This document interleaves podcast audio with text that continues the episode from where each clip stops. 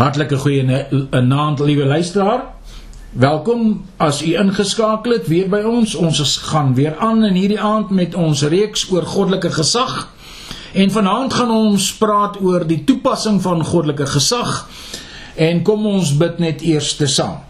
Vader, ons kom in hierdie aand na U toe en ons dank U Here vir U genade, ons dank U vir U liefde. Ons dank U vir U trou, ons dank U vir U sorg oor ons ook in hierdie dag. Dankie Here dat ons ook in hierdie dag 'n bietjie kon rus. En Vader, my gebed is dat U ons in hierdie aand sal lei en Vader dat U hierdie diens sal seën. Vader dat U hierdie boodskap sal dryf deur U Heilige Gees en Here dat ek dit sal bring aan hierdie luisteraars, Here, soos U dit alleen wil. Baie dankie Here dat ons dan ook aan hulle kan verduidelik dat die toepassing van goddelike gesag kom ook van U af. Ons dank U daartoe. Here dat U vir ons daardie gesag is wat ons na kan opkyk want Here U is ons God en U is ons Vader. U het ons kruisdood betaal deur u seun. Ons dank u daarvoor, Vader. Ons bid dit in Jesus se wonderlike naam. Amen. Liewe luisteraar, in hierdie aand wil ek aangaan deur met u te praat. En u onthou ook dan vanoggend se laaste gedeelte waaroor ek met u gepraat het oor die Ou Testamentiese bestel van Noag en sy seuns en hoe dat Gam met hom gespot het en hoe dat hy deur sy vader vervloek is. U weet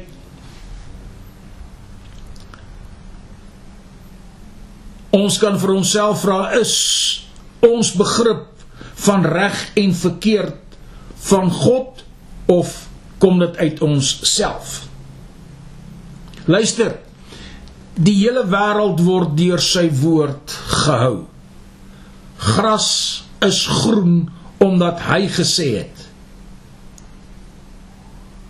Die hemel is blou want hy het gesê.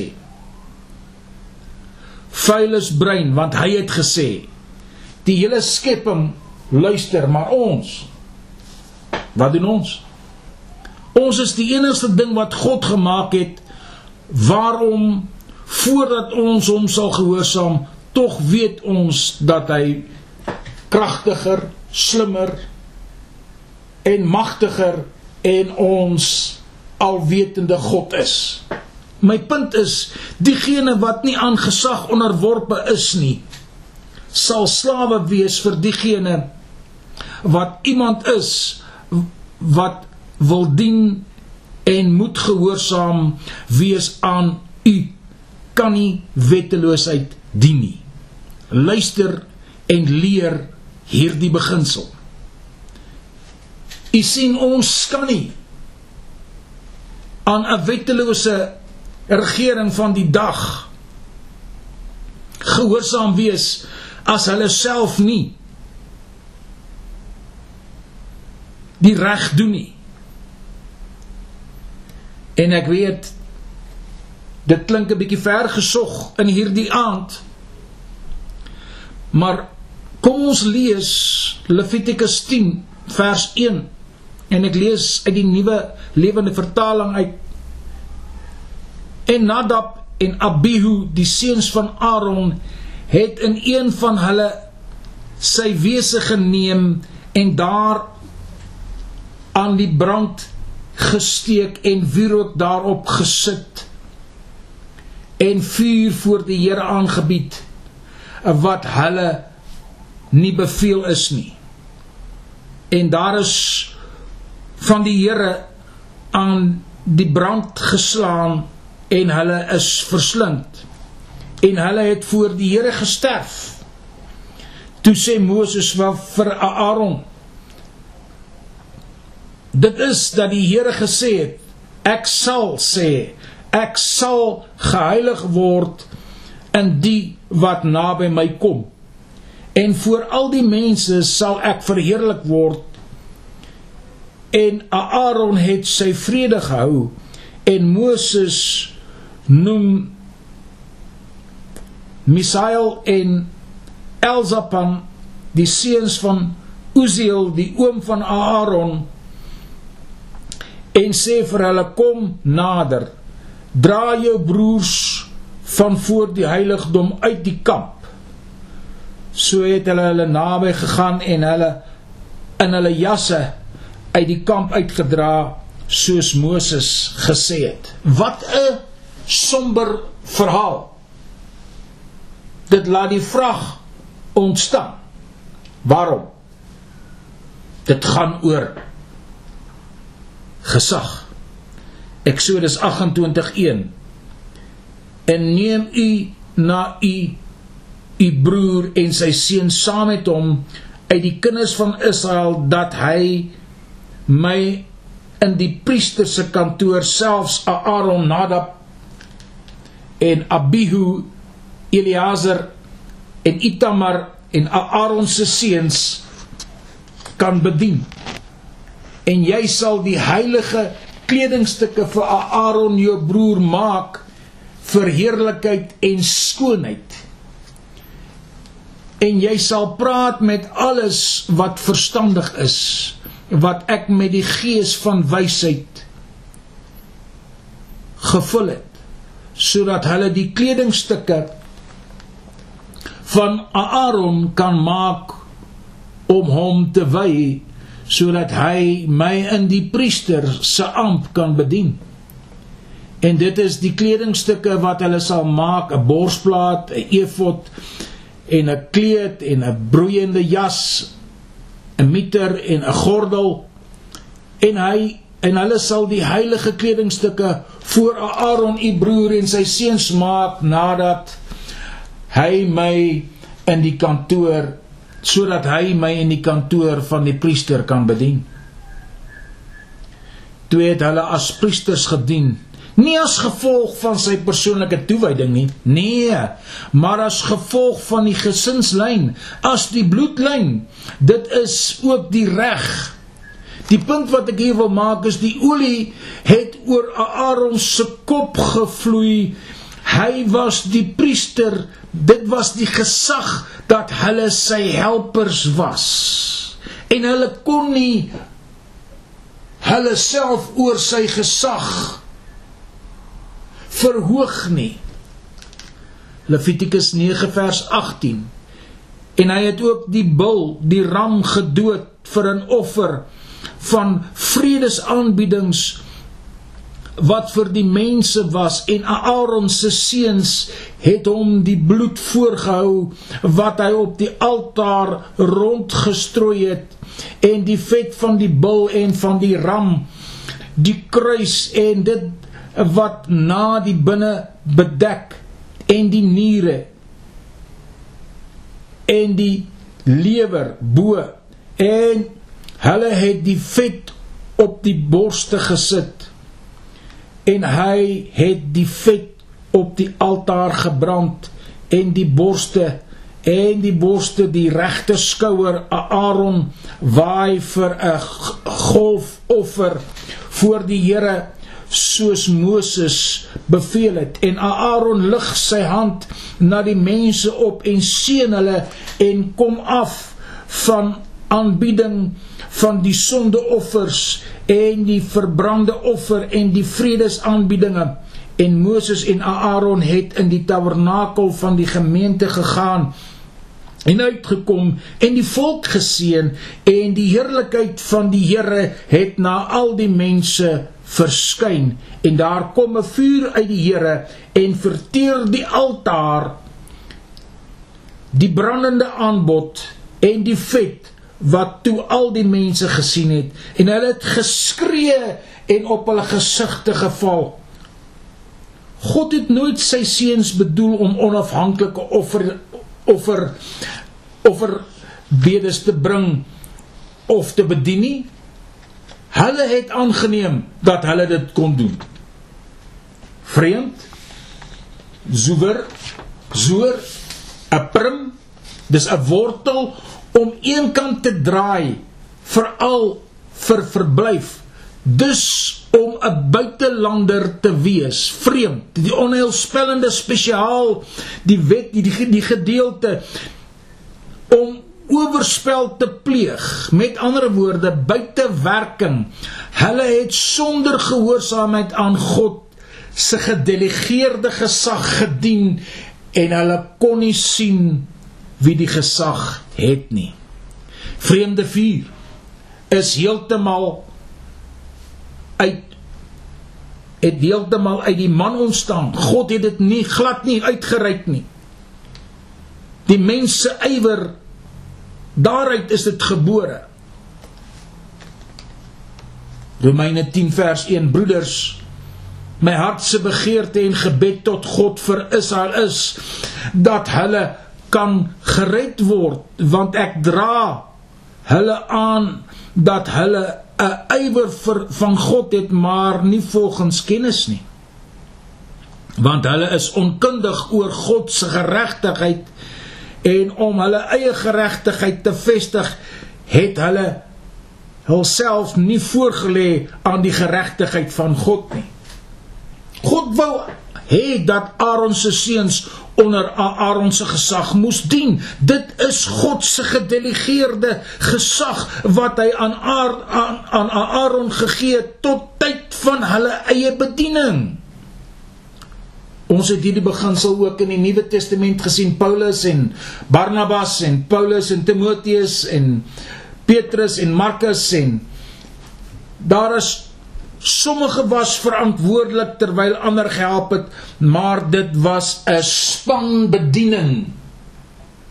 Dit was nooit op hulle eie nie want God se gesag is 'n gesag hy alleen is God Hy en die Seun en die Heilige Gees werk saam as 'n een eenheid. Daar is geen plek in die koninkryk vir individuele geïsoleerde werk nie. Ons moet onder sy gesag saamwerk. Die punt is eenvoudig maar diepgaande. Wie ooit probeer dien sonder die eerste om die eerste gesag te ontmoet, bied 'n vreemde vuur of 'n rebellie verander die aard van daardie vuur. As hy dit kan doen, kan ek dit doen. Dit is 'n rebellie. Hoeveel keer? As u mooi dink, het u al gehoor maar as dominee so en so as pastoor so en so as wie ook al daarvan gepraat word Pas op wat u sê.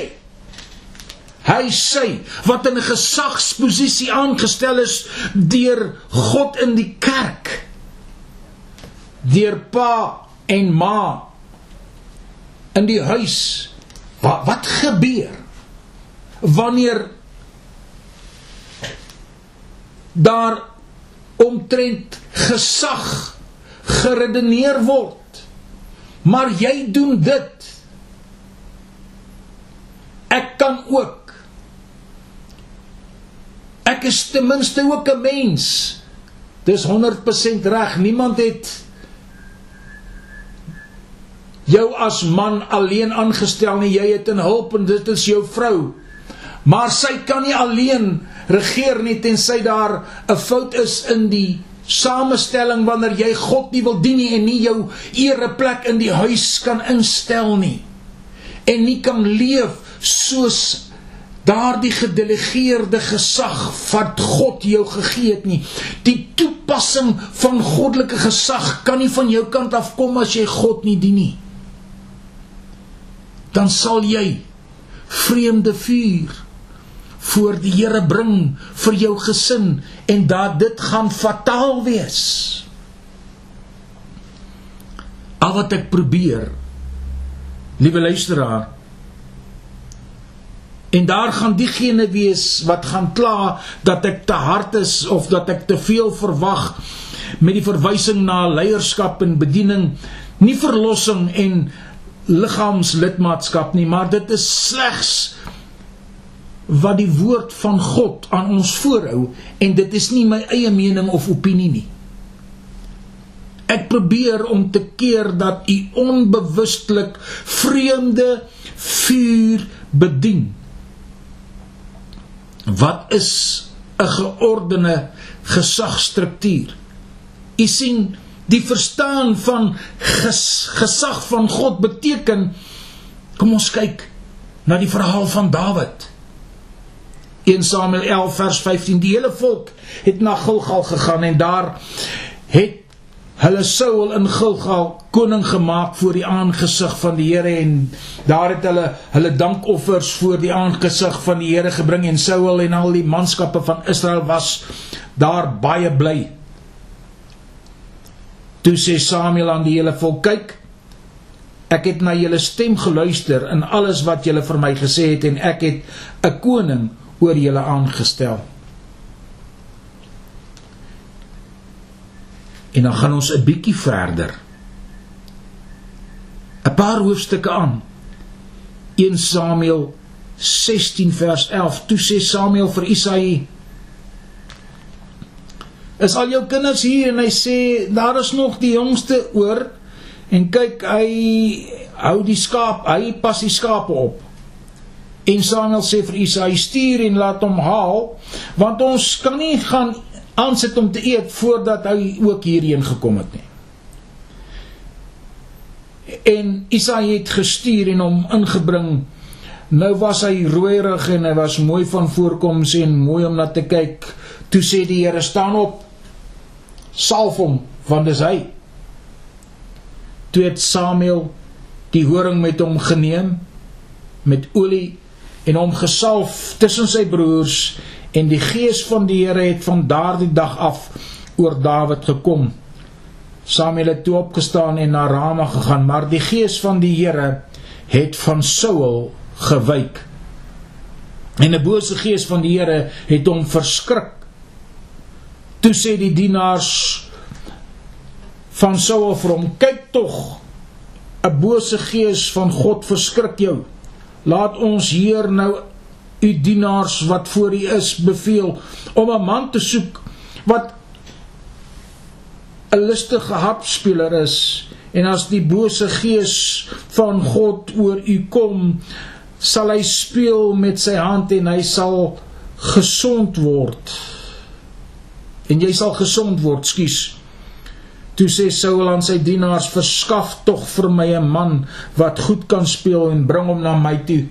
Toe antwoord een van die diensknegte en sê: "Kyk, ek het 'n seun van Isaïe die Benjaminiet gesien wat links is om te speel en 'n magtige, dapper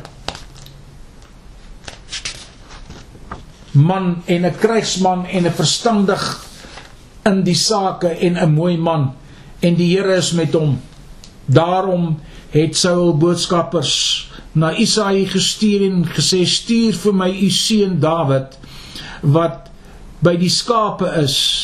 En Isaïe het 'n esel geneem gelaai met brood en 'n sak wyn en 'n bokkie en dit deur sy seun Dawid na Saul gestuur. En Dawid het by Saul gekom en voor hom gaan staan en hy het met hom baie lief gehad en hy het sy wapendraer geword En Saul het na Isaïe gestuur om te sê laat tog Dawid voor my staan want hy het genade in my oë gevind. En toe die bose gees van God oor Saul kom, neem Dawid die siter en speel met sy hand. Ek wil graag u 'n boek aanbeveel. Dis ongelukkig 'n Engelse boek. Die boek is geskryf deur Gene Edwards. En ek weet nie of u hom in die hande gaan kry nie, maar u kan dit dalk neerskryf. A Tale of Three Kings. As dit direk vertaal word, is 'n verhaal van drie konings. Een van baie van die dinge so 'n groot wat Dawid so 'n groot koning gemaak het, was sy begrip van gesag wat hy geleer het. Hierdie is 'n storie oor 'n koning wat wat sleg gaan en nou moet jy iets van die begin af verstaan. 1 Samuel 8 vers 1 Toe Samuel oud was, het hy sy seuns as regters oor Israel aangestel. Die naam van sy eerstgeborene was Joel en die naam van sy tweede was Abia en hulle was regters in Barseba. En sy seuns het teen sy weë gewandel, maar hulle het afgewyk agter wins en omkoop geskenke, het hulle aangeneem en die oordeel verdraai toe die oudstes van Israel bymekaar gekom en by Samuel in Rama gekom en vir hom gesê kyk jy's oud en jou seuns wandel nie in jou weë nie. Maak nou vir ons 'n koning om oor ons te oordeel soos al die ander nasies. Maar die saak was verkeerd in die oë van Samuel toe hulle gesê het gee vir ons 'n koning om ons te oordeel. En Samuel het tot die Here gebid. Toe sê die Here vir Samuel luister na die stem van die volk in alles wat hulle aan jou sê.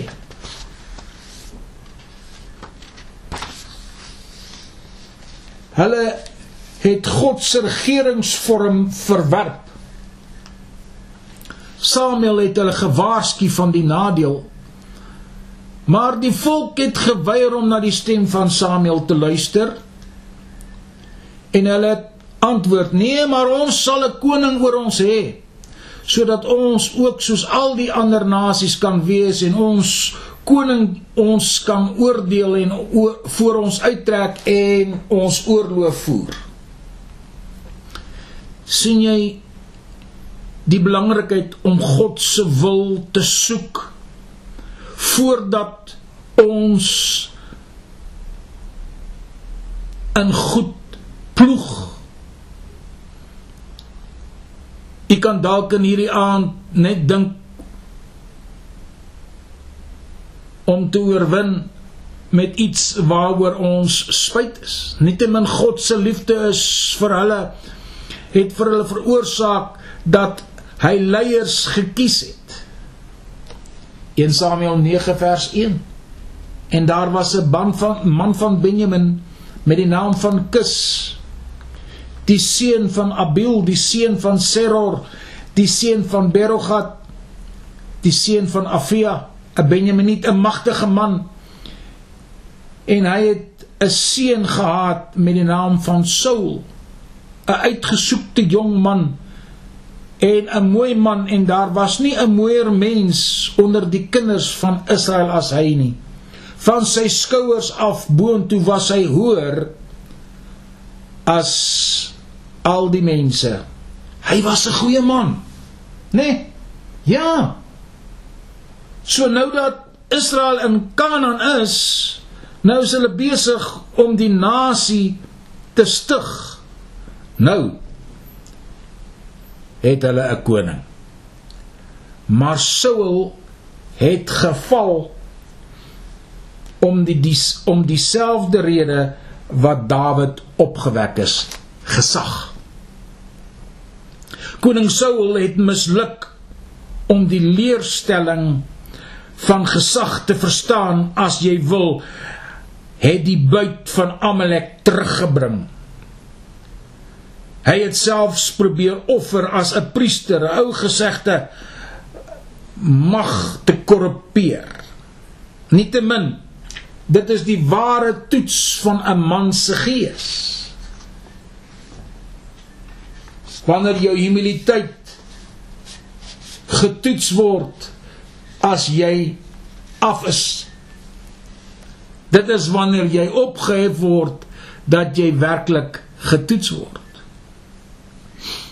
Paulus het gesê 'n kwalifikasie van 'n biskop is dat hy nie 'n beginner moet wees nie sodat hy nie in hoogmoed verhef word in die veroordeling van die duiwel nie.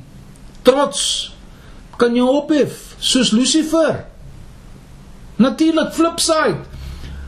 Verneder julle dan voor die magtige hand van God sodat hy julle kan verhoog op die regte tyd. Kom ons keer terug na die storie. Selfs al het Dawid gesalf geword, hy moes wag totdat sy tyd deur oopgegaan het. Hy was steeds onder gesag, onder koning Saul se gesag. Hy was opgeneem in Saul se leer, getel saam met Saul se mense ensovoorts.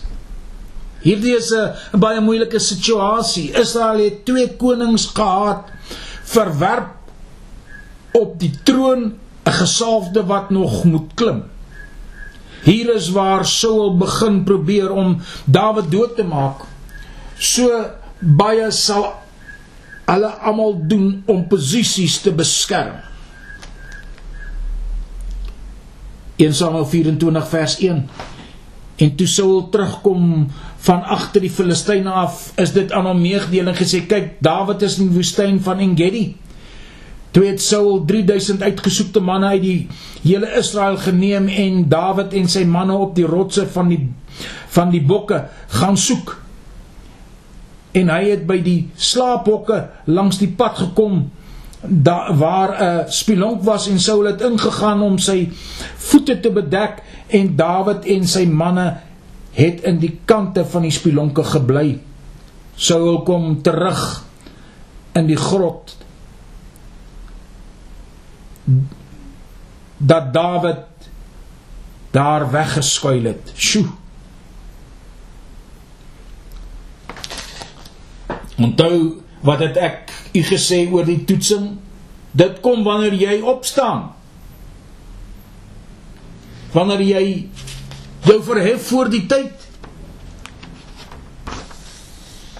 En die manne van Dawid sê vir hom: "Kyk, die dag waarvan die Here vir jou, hoor nou baie mooi, dis nou sommer die dag waarvan die Here vir jou gesê het, kyk ek gee jou vyand in jou hand dat jy aan hom kan doen soos dit goed is in jou oë.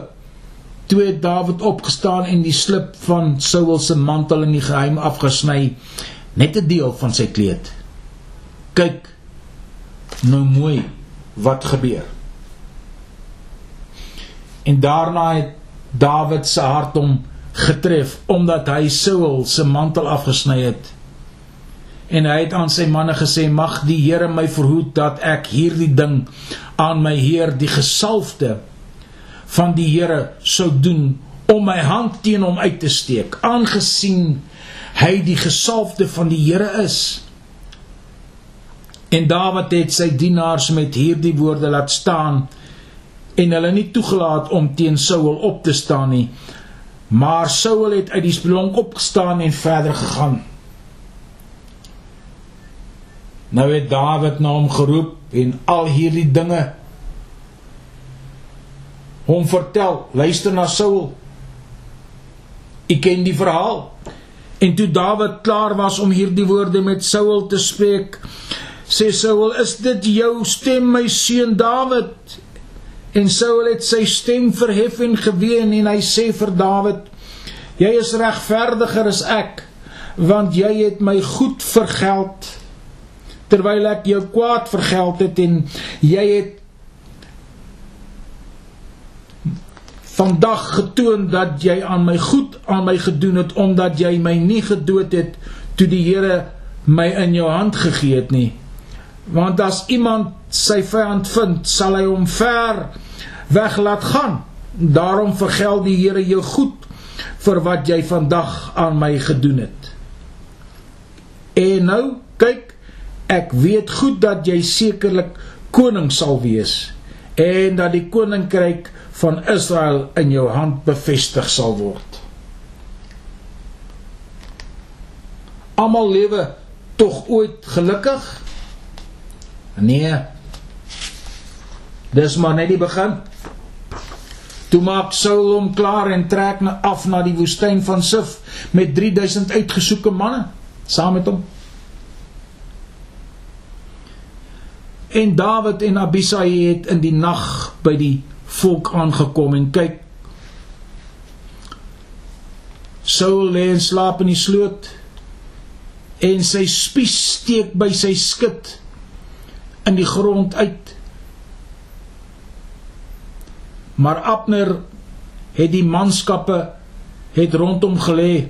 Toe sê Abisai vir Dawid: God het vandag jou vyand in jou hand gegee, laat gegee. Laat my tog hom dan tog nou dadelik met die spies verslaan tot op die aarde en ek sal hom nie die tweede keer slaan nie toe sê Dawid vir Abisai verdelg hom nie want wie kan sy hand uitsteek teen die gesalfde van die Here en onskuldig wees? Verder sê Dawid. So waar as die Here leef die Here sal hom slaan. Of sy dag kom om te sterwe of hy sal in die geveg neerdal en omkom mag die Here my verhoed dat ek my hand teen die gesalfde van die Here sou uitstrek maar neem tog die spies wat by sy skut is en en waterkruis en laat ons gaan.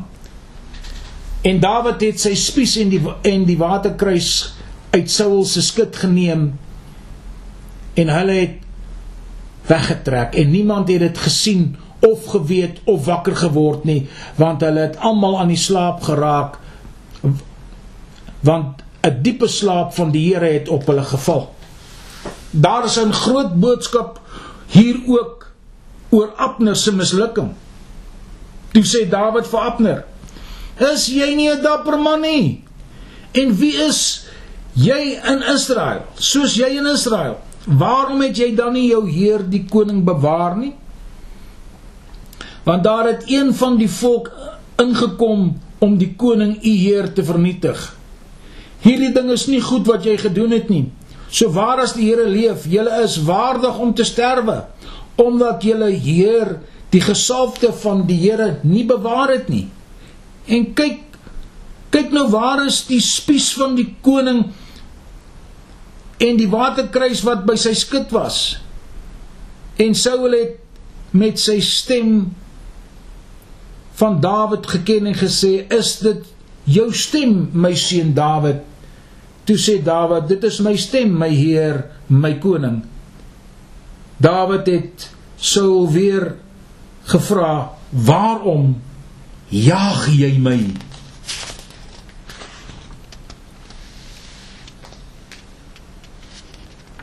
jy jag my soos 'n vloei soos 'n man vir 'n patruis in die berge sou jag. Soos wat ons in die Engels taal sê 'n overkill. Ons is 'n handjie vol en jy jag my met soveel duisend man. Toe sê Saul, ek het gesondig, keer terug my seun Dawid, want ek sal jou geen kwaad meer aandoen nie omdat my siel vandag kosbaar was in jou oë. Saul het 'n dom gees op hom gehad. Is dit nie so nie? Nee, die tweede keer. Come on. Dawid het 'n waardevolle les oor gesag verstaan. God sal sorg vir sy leiers. 'n Lang tyd gaan verby. Ons kom by Saul se einde. Luister na die kragtige storie. 2 Samuel 1 vers 3 en Dawid sê vir hom: "Waar kom jy vandaan?" En hy sê vir hom: "Uit die laar van Israel is ek ontvlug." Toe sê Dawid vir hom: "Hoe het dit gegaan? Ek bid jou, vertel my." En hy antwoord dat die volk uit die geveg gevlug het en ook baie van die volk het geval en gesterwe gesterf en Saul skuis en sy seun Jonathan is ook gedood. Toe sê Dawid aan die jong man wat hom meegedeel het: "Hoe weet jy dat Saul en sy seun Jonathan dood is?" En die jong man wat hom meegedeel het sê hom: "Toe ek toevallig op die berg Gilboa gebeur het, kyk het Saul op sy spies geleen en kyk die strydwaans en die perderyters het hom hard agtervolg en toe hy agter hom kyk sien hy my en roep my en ek antwoord hier is ek en hy sê vir my wie is jy? En ek antwoord hom ek is 'n amalekiet en hy sê vir my staan tog op op my en maak my dood want benoudheid het oor my gekom want my lewe is nog in my keel en nog nog heel in my. Toe het ek op hom gaan staan en hom gedood omdat ek seker was dat hy nie kon lewe nadat hy geval het nie en ek het die kroon wat op sy hoof was en die armband wat armband wat aan sy arm was geneem en dit gebring hiernatoe aan my heer. Toe gryp Dawid sy klere en skeer dit en so ook al die manne wat by hom was en hulle het getreur en geween tot die aand toe gevas oor Saul en oor sy seun Jonathan en oor die volk van die Here oor die huis van Israel want hulle is deur die swaard geval. En Dawid sê aan die jong man wat hom dit meegedeel het waar is jy vandaan? En hy antwoord ek is die seun van 'n vreemdeling 'n Amalekiet. Toe sê Dawid vir hom hoe was jy nie bevrees om jou hand uit te steek om die gesalfde van die Here te vernietig nie en Dawid het een van die jong manne geroep en sê gaan nader en val op hom en hy het hom geslaan en dat hy gesterf het toe sê Dawid vir hom jou bloed is op jou hoof want jou mond het teen jou getuig en gesê ek het jou ek het die gesalfde van die Here gedood. En Dawid het met hierdie klaaglied oor Saul en oor sy seun Jonathan geweeklag. Dawid kon dit nie vir hom verbeel hoe iemand die gesalfde van die Here op hom kon aanval nie. Dawid het sangers, musikante aangestel om te speel en te sing en sy woorde na die aria te dra. In 1 Kronieke 16 vers 20 en toe hulle van nasie tot nasie en van een koninkryk na die ander volk getrek het, het hy niemand toegelaat om hulle onreg te doen nie. Ja, Hy het die konings ter wille van hulle bestraf en gesê raak nie aan my gesalfdes nie en doen aan my profete geen kwaad nie. Sing tot eer van die Here o ganse aarde. Wys van dag tot dag sy redding. Verkondig sy heerlikheid onder die heidene, sy wonderwerke onder al die nasies, want die Here is groot en baie lofwaardig, ook is hy gevrees bo al die gode. Dit was 'n beginsel, 'n oortuiging daarna waarna Dawid geleef het. So moet ons dit weet. Ons moet weet wat die hoofooreenkoms was met Dawid. Hy het heeltyd bo uitgekom. Waarom? 1 Samuel 18 vers 5. Dawid het uitgegaan waarheen Saul hom ook al gestuur het. En hy was hy het verstandig gedra en Saul het hom oor skus krygsmanne al sy krygsmanne aangestel en hy was welgevallig in sy oë van die hele volk en ook in die oë van Saul se dienaars. En Saul was bang vir Dawid omdat die Here met hom was en van Saul af weggegaan het daarom het Saul van hom verwyder en hom as owerste oor 1000 aangestel en hy het uitgegaan en voor die volk ingekom en Dawid het verstandig hom verstandig gedra in al sy weë en die Here was met hom. Daarom toe Saul sien dat hy baie dat hy hom baie wys gedra het het hy vir hom bang geword maar die hele Israel en Juda het Dawid liefgehad want hy het uit en in voor hulle gegaan. Maar Dawid wys hom deur sy gedrag. Dit het baie dinge ingesluit, maar die hoofsaaklik was die gesag wat hy verstaan het. Dawid sou nie die prys van rebellie betaal om Saul se troon te kry nie. Geen ander keuse nie.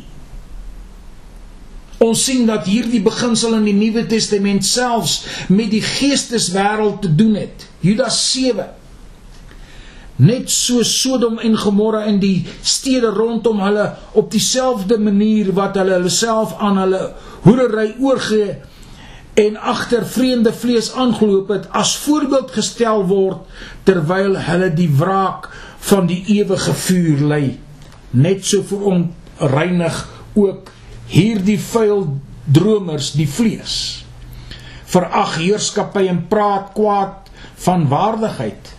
Maar Michael die aartsengel toe hy met die duiwel getwis het wat hy oor die liggaam van Moses getwis het nie 'n lastering lasterlike beskuldiging teen hom durf bring nie maar het gesê die Here bestraf jou.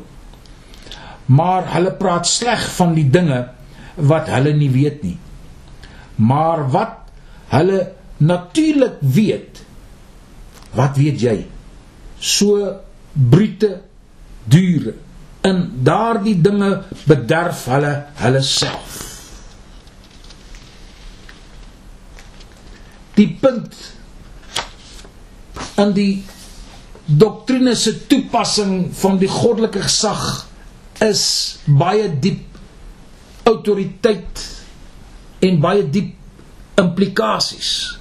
Dit sal salwing vir jou meebring in jou huis, in jou werk, in jou buurt, in jou kerk. Dawid sou Saul nie doodmaak om God se plan te bespoedig nie. Net om sy rond te sny het hom sleg skuldig bevind. Dalk dood ons nie ander met ons hande nie, maar ons tong sny dieper en seerder as wat ons net 'n romp afsny, nie waar nie. Dikwels is dit dieselfde gees. My hoofpunt in hierdie aand is om aan gesag onderworpe te wees en nie aan die persoon onderworpe te wees nie, maar eerder onderworpe te wees aan die salwing van die Here op 'n persoon. Dawid het Saul my Heer of die Here se gesalfde genoem, selfs terwyl hy deur hom gejag is. Dawid het Saul se gesag gesien en erken en wil dan liewer sy lewe hardloop om sy hand daarteen op te steek. Dawid het geweet dat God op sy tyd en sy manier met Saul sal dinge uitsorteer. Handelinge 13 vers 20 En daarna het hy aan hulle regters gegee omtrent 550 jaar tot by die profeet Samuel. En daarna het hy hulle 'n het hulle 'n koning be, be, begeer. En God het aan hulle Saul gegee, die seun van Kis, 'n man uit die stam van Benjamin met verloop van 40 jaar. En nadat hy hom verwyder het, het hy vir hulle Dawid laat opstaan om hulle koning te word aan wie hy ook getuig en gesê ek het Dawid die seun van Isaai gevind 'n man na my hart wat al my wil sal vervul uit die nageslag van hierdie man het God volgens sy belofte vir Israel 'n verlosser verwek Jesus. Ek glo dis waarom God van Dawid gesê het ons was 'n man na sy eie hart. Hy het gestaan vir God se gesag. God het gestaan vir syne ons benodig in ons dag 'n herlewing van 'n gesagsdenke. Dawid is gekies as die geslag van eh, Jesus. Ons moet alle rebellie uit ons harte uitroei voordat ons gesag begin uitoefen.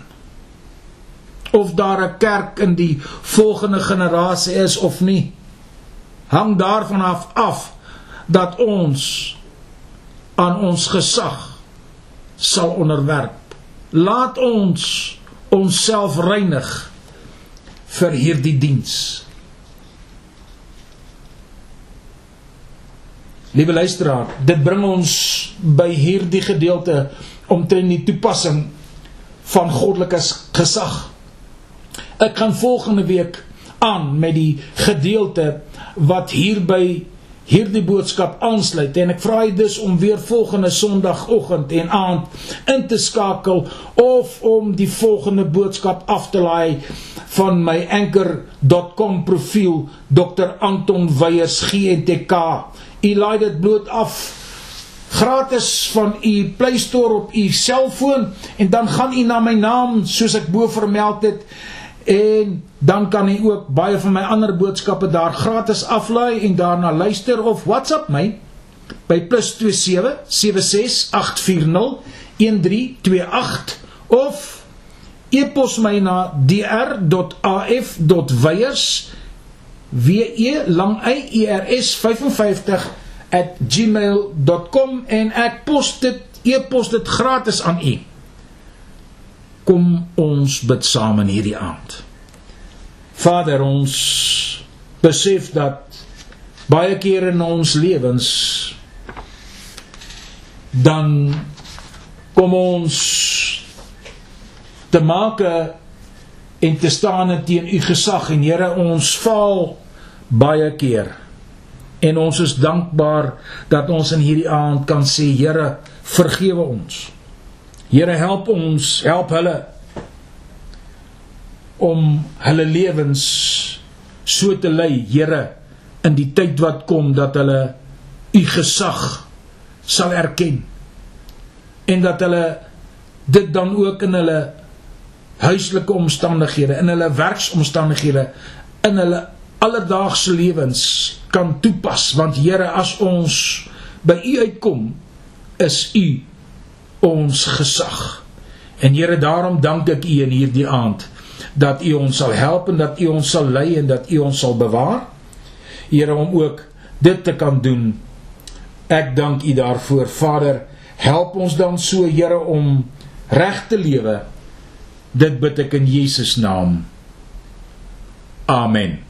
Liewe luisteraar, gaan in vrede en ons kyk weer uit volgende week vir u. Amen.